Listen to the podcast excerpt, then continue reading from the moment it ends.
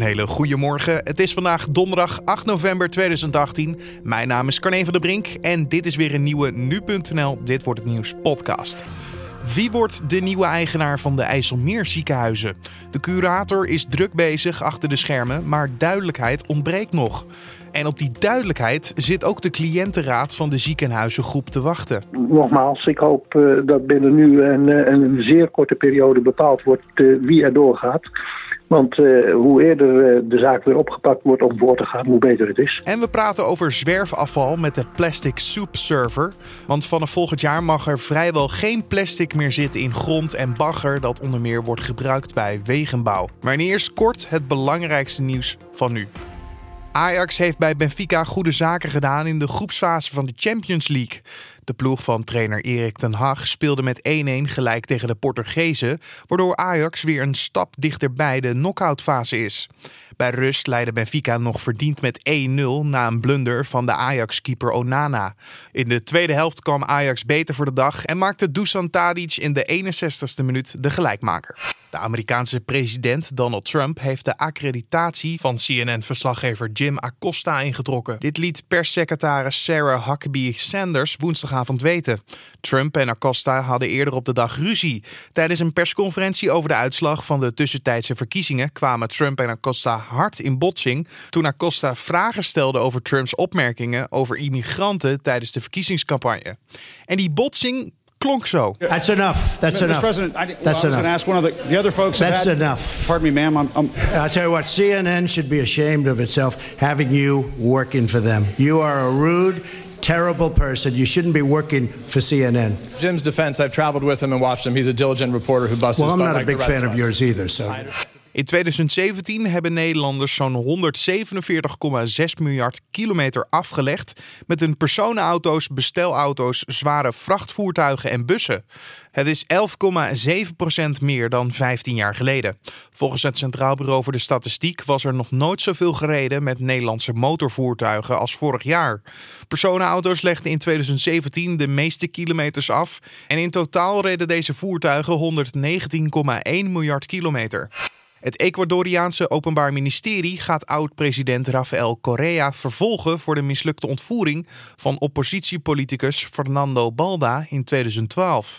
Balda was lid van de grondwetgevende vergadering en vluchtte naar Colombia toen hij in Ecuador tot twee jaar gevangenisstraf werd veroordeeld wegens belediging van de regering van Correa. In de hoofdstad van Colombia mislukte een poging om hem te ontvoeren toen de kidnappers en hun slachtoffer door een politiepatrouille werden aangehouden. De daders die in Colombia werden veroordeeld verklaarden in opdracht van de Ecuadoriaanse geheime dienst te handelen.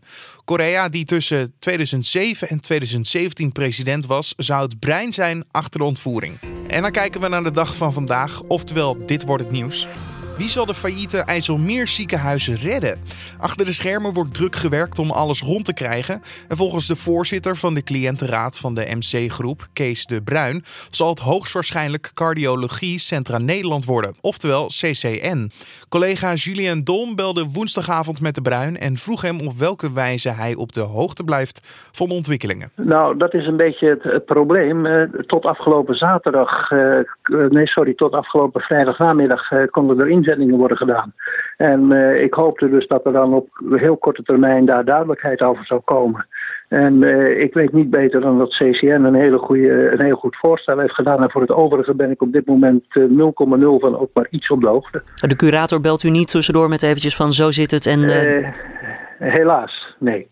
Dat zou eh, heel plezierig zijn, eh, eh, want wij worden natuurlijk van alle kanten benaderd. Zodat ik inderdaad dan ook wat, eh, ja, mogelijk wat andere berichten en wat hopelijk ook positieve berichten naar buiten zou kunnen brengen. Maar eh, nee, die respons is 0,0. Krijgt u wel iets mee uit de wandelgangen? Geruchten? Roddels? Eh, uit de wandelgangen, ja, natuurlijk. Alleen, ja, in hoeverre moet ik daar eh, serieus op ingaan, serieus over nadenken? Ik heb begrepen van personen dat er acht inzendingen of acht bijdragen geweest zouden zijn. Een ander zegt tien. En eh, wat mij betreft is het op dit moment allemaal nog steeds koffiedik kijken, ondanks de toezegging dat er dus deze dag in de namiddag duidelijkheid zou komen omtrent de toekomst. Ja. Is, is de CCN de ideale partner of is de enige partner als het aan u ligt? Eh, nou, eh, op dit moment is het de enige partner waar, of de enige waar mij iets van bekend is. En ik moet zeggen, ja, ik ken ook uh, betrokkenen van CCN uh, persoonlijk. Uh, ik heb daar wat ervaring mee en daar ben ik uitermate positief over. En ik vind hun voorstel ook erg goed. Alleen, ja, nogmaals, ik hoop dat binnen nu en een zeer korte periode bepaald wordt wie er doorgaat. Want hoe eerder de zaak weer opgepakt wordt om voor te gaan, hoe beter het is. Bent u op de hoogte dat het ziekenhuis Sint-Janstal ook een bod zou hebben uitgebracht? Uh, ik weet dat uiteraard, ik zeg net, ik weet het alleen 100% zeker van CCN. Maar ik heb inderdaad in de wandelgangen vernomen dat, uh, dat Sint-Jansdal dat ook gedaan zou hebben, ja. Dan houden we het even bij de wandelgangen inderdaad. Want uh, het ja. Sint-Jansdal die zou het hebben dat de acute verloskunde en de volledige spoedeisende hulp op die locatie niet zozeer zou werken. Begrijpt u die mening of deelt u wellicht die Daar mening? Daar begrijp ik uh, in, absoluut niets van. Dat werkt uh, uitstekend. En ik moet zeggen, als er één ding is waar zelfs de minister zich over uitgelaten heeft, wat een goede zaak is als het daar overeind zal blijven, dan zijn het deze twee onderdelen. Ja, de minister, hij heeft niet veel te zeggen natuurlijk, maar het is wel een stem die mogelijkwijs mag tellen. In wat voor vorm zou dat dan alsnog van belang kunnen zijn?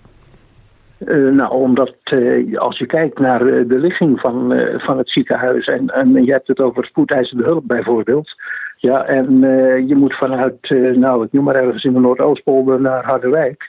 Dan is dat een, een kwalijke zaak. En dat is ook letterlijk ja, eigenlijk niet mogelijk. Want wettelijk moet, moet, zeg maar de om, moeten omliggende groeperingen, gemeenten, die moeten binnen 45 minuten dus iets dergelijks kunnen bereiken. En dat is anders niet mogelijk? En dat uh, kan in een x-aantal gevallen, als dat niet meer in Lelystad zou zijn, kan dat uh, zeker tot problemen leiden, ja. Dan even een vraag over de cliëntenraad, want uh, die moet advies geven over de begroting, toch, van een zorginstelling? Dat hebben wij ook gedaan. Ja, ja. wist u dan al en, iets van tevoren over de mogelijke problemen? Nee, wij, kijk, wij, uiteraard weten wij over, wist, wist, weten en wisten wij alles over de moeizame financiële situatie. Maar uh, sinds uh, zeg maar begin augustus, eind juli, begin augustus, uh, was er een, een nieuwe eindverantwoordelijke voor de IJsselmeer ziekenhuizen, de heer Sjoerd Blok. En die werd omgeven door een, transitieteam. En die waren met elkaar kei en keihard bezig om zo per 1 januari 2019 de zaak weer behoorlijk op orde te hebben en door te kunnen gaan. Dus het is eigenlijk te vroeg geklapt? En dan komt er dus een verzekeringsmaatschappij en die trekt de stekker eruit. En dat is, uh, ja, uh, vervelend is niet eens een woord. Het is gewoon dramatisch dat er gebeurd is. Hoe kijkt u hier nu tegenaan? Dat, dat ja, dramatisch, nou, maar... Ja, ja, nee, ik, ik kijk hier tegenaan uh, op een manier dat ik zeg... wat mij betreft gaat dit soort toestanden morgen weer volledig naar naar de kant van de overheid. En uh, worden, we, worden we gevrijwaard van, uh, van dit soort capriolen van verzekeringsmaatschappijen. Hebben jullie steun ontvangen vanuit andere cliëntenraden of misschien wel andere instellingen uh, over de gang van zaken? Ik moet zeggen dat, dat er is een, een, een federatie patiënten, geloof ik ook ergens in, in Flevoland, die hebben ook op alle mogelijke manieren al gezegd van we steunen jullie. En ja, ook anderen, iedereen waar je contact mee hebt, die zeggen van uh, vertel maar waar we jullie kunnen steunen en dan gaan we dat ook doen. Maar dat is dan uh, met alle respect uh, goed bedoeld. Alleen ja, het, het draagt niet echt bij. We zijn uitermate afhankelijk van de nieuwe partijen en hoe de curator daar gisteren mee omgaat. Ja, dan dat als laatste vraag inderdaad. Afhankelijk van de nieuwe partijen. Mag de cliëntenraad dan wel in dezelfde samenstelling aanblijven of is dat ook aan de nieuwe partijen? dat, dat bepaalt de nieuwe partij. Ja, dus of dat gaat gebeuren, dat is uh, nog uh, volslagen onduidelijk uiteraard. Want kijk, wij zijn de cliëntenraad uh, van de IJsselmeer ziekenhuizen. En als daar straks een, een totaal andere partij komt en men zegt van nou leuk gedaan jullie en we gaan op zoek naar anderen. Dan hebben ze daar het volste recht toe. Kees de Bruin, voorzitter van de cliëntenraad van de MC-groep, hoorde je. Grond en bagger, wat wordt gebruikt bij onder meer de wegenbouw, mag vanaf volgend jaar nog maar kleine hoeveelheden plastic bevatten. Dat maakte staatssecretaris Tientje van Veldhoven woensdag bekend. 0% zou niet haalbaar zijn, daarom wordt de term sporadisch gebruikt. Maar is die term wel hard genoeg?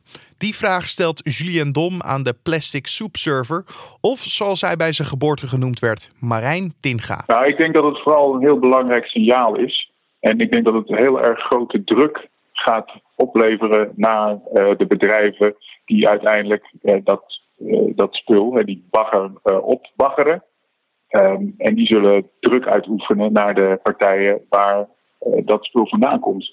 In die zin is het denk ik een heel belangrijk signaal. Sporadisch is natuurlijk geen harde, harde term. Ehm, maar ik geloof wel dat dit, dat dit heel belangrijk is. Ja. Enig idee of er nog op andere plekken plastic zit waar we het niet verwachten? Want onder de grond, daar keek ik redelijk van op zelf. Ja, nou ja, het is ook bekend dat er een andere stroom afval, namelijk compost, het, uh, dat dat ook plastic deeltjes bevat. Hè. Ook daar mag 5% uh, eh, ander materiaal zijn. Dat betekent de facto dat er dus van elke ton compost die uitgereden wordt over ons akkerveld, dat er dus 5 kilo plastic in zou mogen zitten. En je vindt ook daadwerkelijk al die stukjes plastic terug. Je, wacht even, je zegt je vindt ook die stukjes plastic terug. Hoe moet ik dat zien? Nou, als je een akkerveld oploopt waar de compost op uitgereden is, en dat is overal, dan kan je dus al die kleine stukjes, microplastics, maar ook grotere stukjes plastic eh, kan je vinden. Dus dan zie ik gewoon een stukje van een, van een colaflesje of zo bijvoorbeeld. Uh, zo groot kan het dan uh, zijn? Het zou kunnen, ja, zeker, zeker. Hè. Dus de herkomst daarvan is, is heel gemixt. Maar een van de, van de bronnen van compost is gewoon berm, bermmaaisel. Dus hetgeen uh, door, door de gemeentes wordt uh, gemaaid. Dat gaat naar zo'n compostinstallatie. Uh, daar zit dan, dat wordt de grofste gedeelte worden eruit gehaald. Maar je kan ook voorstellen dat er een hele hoop geschwet is, in stukjes gemaaid. En dat komt met het compost mee. En dat wordt uiteindelijk weer uitgereden over dat veld. Hoe gevaarlijk is dat? Nou, op het moment is eigenlijk heel slecht bekend wat de gevolgen zijn van bijvoorbeeld plastic op gewassen. Hè? Hoeveel van het plastic wordt nu daadwerkelijk opgenomen door die klanten en wat krijgen we binnen. Maar we weten wel dat uh, we het microplastic inmiddels terugvinden in drinkwater, in bier, in honing. Zelfs als we ademen, komt dat plastic binnen. En we weten ook dat dat inmiddels door onze darmwand ons bloed kan bereiken. En we weten ook dat er in iedereen in Nederland, dat daar uh, die additieven, die toevoegingen van, van plastics, dat die gewoon in ons bloed zitten. Dat zit bij iedereen. Dat is bij iedereen te testen. Dus dat plastic um, heeft ons, uh, ja, dat, dat heeft ons inmiddels al lang uh, binnengedrongen. En daarom zijn dit ook zulke belangrijke stappen om te nemen. Om in geval te voorkomen dat we in de toekomst uh, met een probleem van plastic in onze grond zitten. Waar we tegen die tijd hopelijk dan beter van weten wat de gevaren zijn. Aan de andere kant, je zou kunnen zeggen als het al lang in ons zit. We lijken er niet heel snel ziek van te worden. Misschien valt het allemaal wel mee. Nou, ik denk dat het voorzorgsprincipe hier het belangrijkste is.